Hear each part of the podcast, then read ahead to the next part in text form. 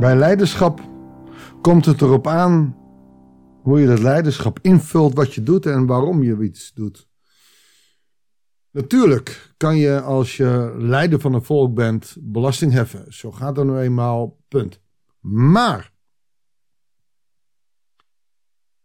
als je in een crisissituatie zit, zou dat anders moeten. We zien in onze eigen politiek dat ze dat moeilijk vinden. Want bij de belastingen uh, gaat het niet altijd even goed. En zijn mensen random door elkaar gewoon enorm benadeeld. Kijk, en zo hoort het niet. Vandaar dat we in de Bijbel zouden moeten gaan lezen hoe het dan wel moet. En bij Nehemia gebeurt dat.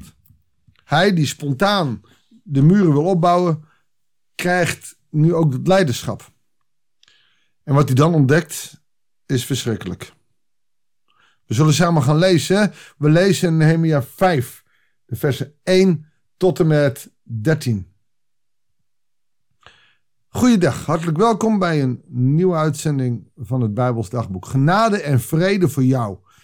Ook al heb je het krap en moeilijk, ik hoop dat degene die over jou staat genadig voor je is. Zodat wanneer je het moeilijk hebt, jij ook genade kan ondervinden. En dat zeg ik bewust omdat degene die boven jou zit, wie dat dan ook is, een moeilijke taak heeft. En dat zien we vandaag ook weer. Dat mensen eigenlijk van geen kwaad bewust eigenlijk hele rare dingen doen. De bevolking, met in begrip van de vrouwen, beklaagde zich luid over een aantal Joodse volksgenoten. Sommigen zeiden: We hebben veel zonen en dochters en daarom willen we graan. We moeten eten, anders gaan we dood. Anderen zeiden: We hebben onze akkers, wijngaarden en huizen in onderpand gegeven om graan te kunnen komen, kopen, nu, heerst, nu er honger is. Weer anderen zeiden: We hebben onze akkers en wijngaarden moeten belenen om de belasting aan de koning te kunnen betalen. En nu onze akkers en wijngaarden in het bezit van anderen zijn, moeten we onze zonen en dochters als slaaf verkopen. Sommige van onze dochters zijn al slavin. We zijn machteloos. Maar we zijn toch van hetzelfde vlees en bloed als onze volksgenoten. Onze kinderen zijn toch niet minder dan die van hen? Wat er gebeurt is eigenlijk heel normaal. Als je geen geld had, dan verkocht je je akker. En van dat geld probeerde je rond te komen. Of heel van je akker en gebruikte dat om ander graan te komen op jouw akker dan. Nou, bla bla. Als je dat op een gegeven moment niet meer kon en schulden had, dan moest je je schulden aflossen. En dan kon je doen, en dat werd vaak gedaan, doordat je kinderen als slaaf bij de heer gingen werken. Dan moet je dat niet als met een zweep in de katoenplantages, de slaven. Nee, is gewoon. Je kwam in dienst, alleen je kreeg er niks voor, je moest wel hard werken.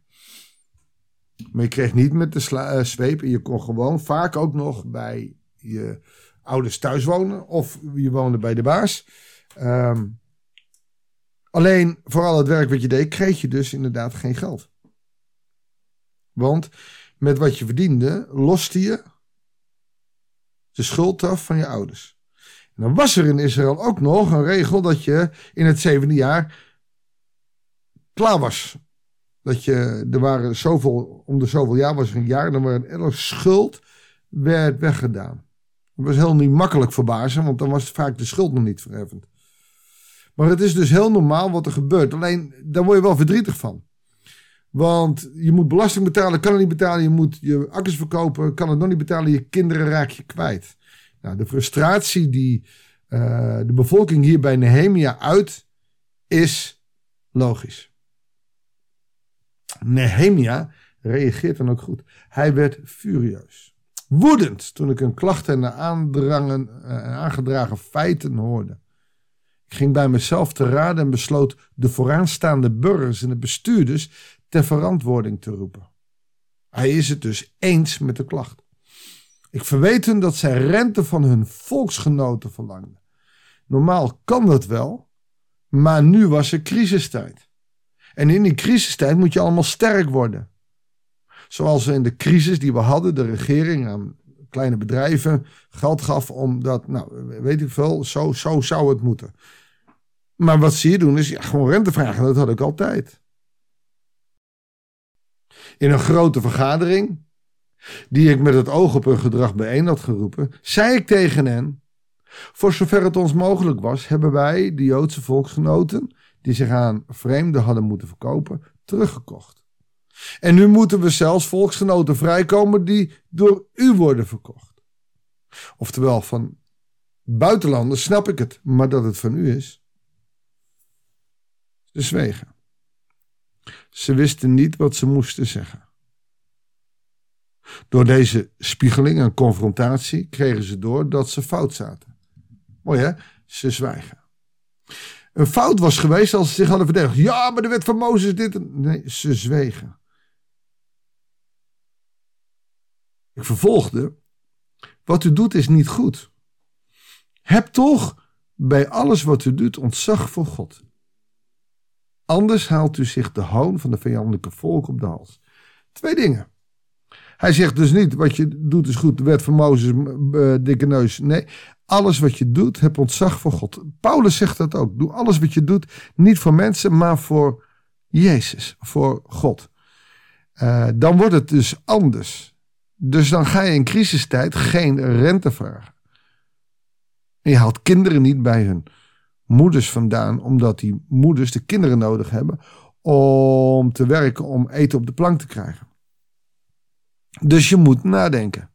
Maar wat er gebeurt er ook als je geen ontzag hebt voor God en dus maar gewoon doet wat je zelf wil, dan gaat iedereen je uitlachen. Oh, ze besterken God, maar ondertussen moet je eens kijken wat ze doen. Ook ik, mijn broers en mijn mannen hebben het geld en graan uitgeleend.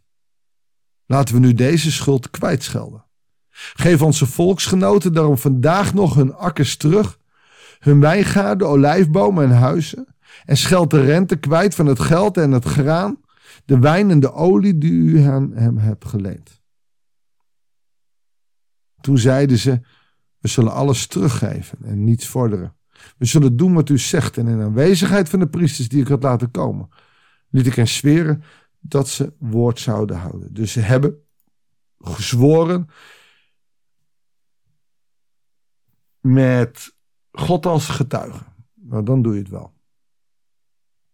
Vervolgens schudde ik de plooi van mijn mantel uit en zei: Zo zal God iedereen uitschudden die zich niet aan deze afspraak houdt. Uitgeschud en berooid zal hij zijn, zonder huis of haven. Alle aanwezigen riepen: Amen. En ze loofden de Heer.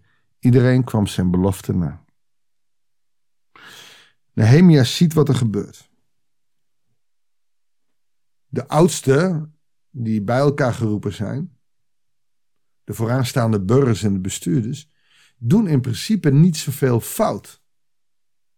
Het enige waar ze geen rekening mee houden is dat er crisis is.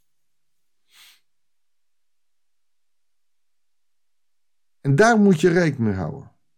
Kijk, dat is net als die hele belastingkwestie van die mensen die geen premies konden krijgen.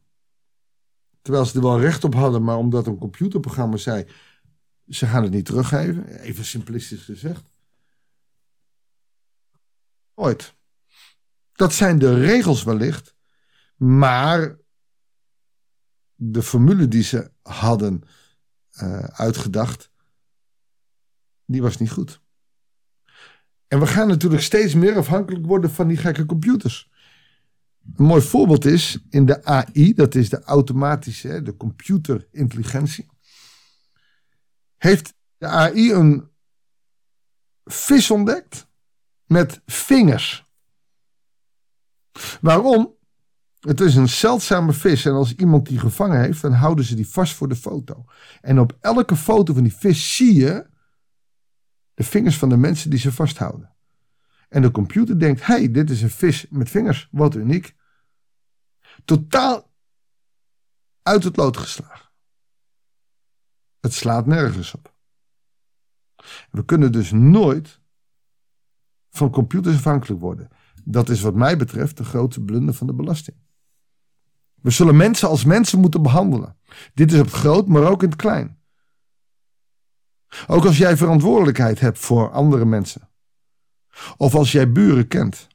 Kijk, als zij het geld over de balk gooien, dure auto hebben en een keer hun eten niet kunnen uh, betalen. Hoef je wat mij betreft niet zoveel te doen.